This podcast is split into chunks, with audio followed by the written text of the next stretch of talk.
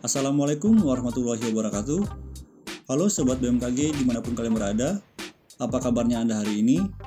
Semoga selalu dalam keadaan sehat di mana pun kalian berada.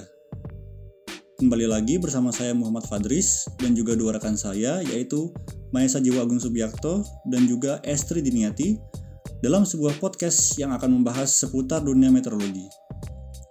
Di episode kali ini, kami akan membahas mengenai gelombang Rossby. Seperti apa fenomenanya?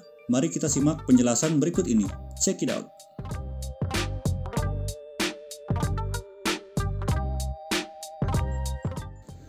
Pada bulan Februari tahun 2012 lalu, benua Eropa dilanda cuaca dingin yang ekstrim dan telah banyak menelan korban jiwa karena kedinginan.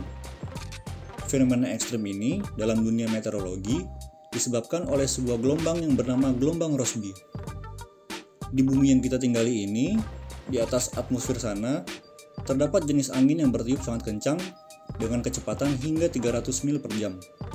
Inilah yang disebut sebagai jet stream.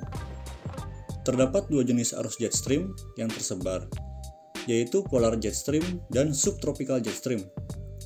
Dua jenis jet stream ini dapat kita temukan di belahan bumi utara dan dua di belahan bumi selatan. Jet stream sendiri terjadi karena udara bertekanan rendah naik dari katulistiwa dan bertemu dengan udara bertekanan tinggi dari kutub. Pertemuan tekanan yang berbeda tersebut akan membentuk sebuah pipa yang arusnya tidak teratur. Arus jet stream yang tak teratur tersebut akan membentuk suatu gelombang yang dinamakan gelombang Rossby. Nah, seperti apa detail penjelasannya? Mari kita simak penjelasan dari rekan Mahesa Jiwo.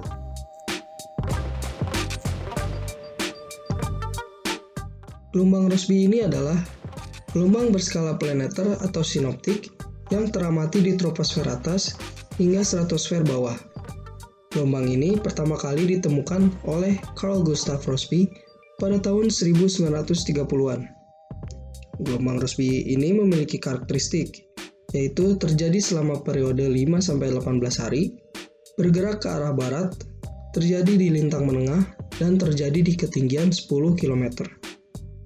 Untuk lebih mudah memahami, gelombang Rossby dapat diibaratkan apabila suatu tinta yang dituang pada cairan fluida yang diputar, di mana tinta tersebut akan membentuk suatu pola, menyerupai bentuk bunga dari atas.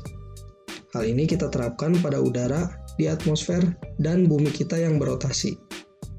Gelombang Rossby sangat penting bagi perkembangan cuaca lintang menengah karena karakteristik palung dan punggung, serta transfer momentum, energi, dan udara lembab meridionalnya menentukan karakteristik sirkulasi global.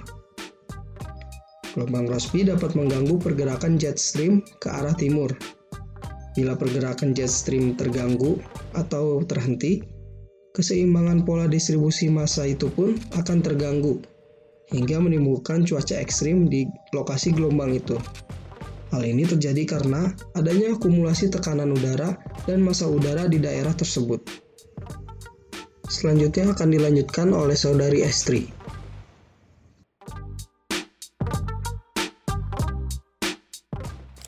Sementara itu, terdapat juga gelombang Rossby ekuatorial.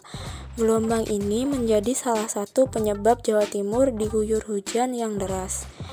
Dikutip dari tweet at info BMKG Juanda tanggal 28 Mei 2020 lalu, gelombang ekuatorial Rossby adalah suatu fenomena gelombang yang terjadi di fluida atmosfer atau lautan yang berotasi secara berpasangan. Kemudian bergerak ke arah barat di sekitar kawasan ekuator, sehingga menyebabkan wilayah yang dilaluinya terjadi cuaca buruk. Gelombang ekuatorial Rossby ini memiliki karakteristik membawa massa udara basah. Dengan karakteristik tersebut, akan sering terjadi kondisi curah hujan atau setidaknya mendung. Nah, sekarang kita sudah tahu bahwa gelombang Rossby ini membawa hujan. Untuk itu, agar aktivitas kita tidak terganggu dan mengantisipasi adanya bencana, yuk kita pantau keadaan cuaca di info BMKG Sampai jumpa dan jangan lupa sedia payung sebelum hujan.